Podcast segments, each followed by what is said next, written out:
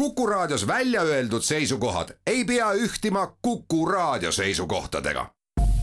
Te kuulate Kuku Raadiot.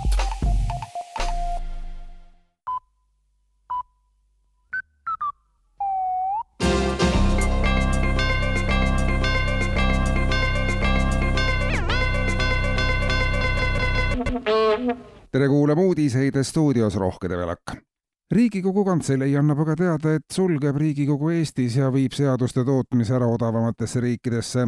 kaalumisel on hetkel kas Tai või Hiina, samuti on jutuks olnud Vietnam või Moldova.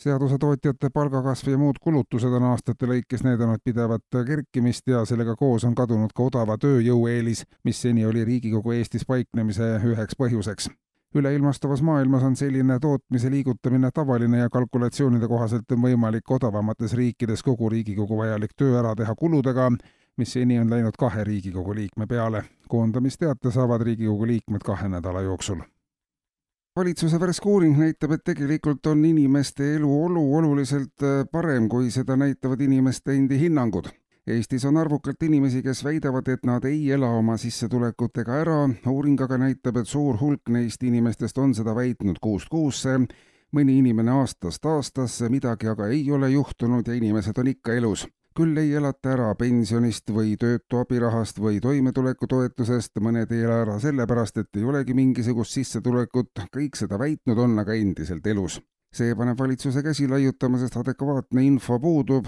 seni, kuni inimene pole tegudega tõestanud, et ta tõepoolest ei ela ära, ei saa ka riik kuidagi aidata.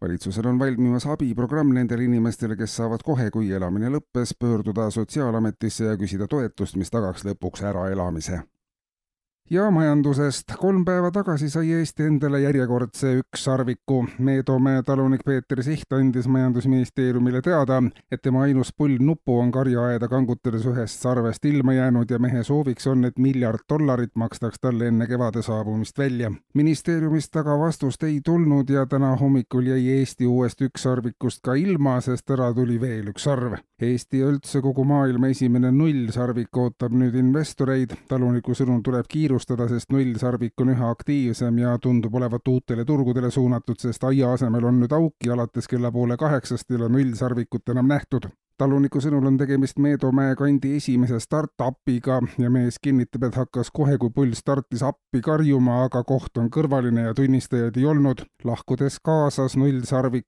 kahe poolega aiavärava ja murutraktori riigikogu aga võttis eile uuesti menetlusse jagamismajanduse seaduse, mis keskendub kõikvõimalikele jagamistele ja reguleerib, kellele jagatakse ja mis asjus. seni on inimeste hulk, kes majandusest midagi jagavad, olnud vaatamata mõningastele positiivsetele arengutele siiski väike jagamismajanduse seaduse kohaselt peab iga inimene midagi jagama, kaasa arvatud Riigikogu liikmed, kelledest samuti tuntav osa ei jaganud siiani majanduses suurt midagi.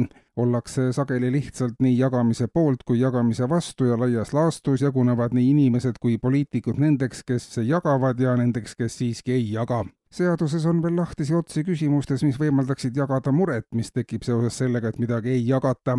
samuti on paljudel inimestel seisukoht, et kõike peaks tasuta jagama, ees ootavad jagamismajanduse seaduse muudatused ka nendele inimestele, kes ei jaga ööd ega mütsi. kuulsite uudiseid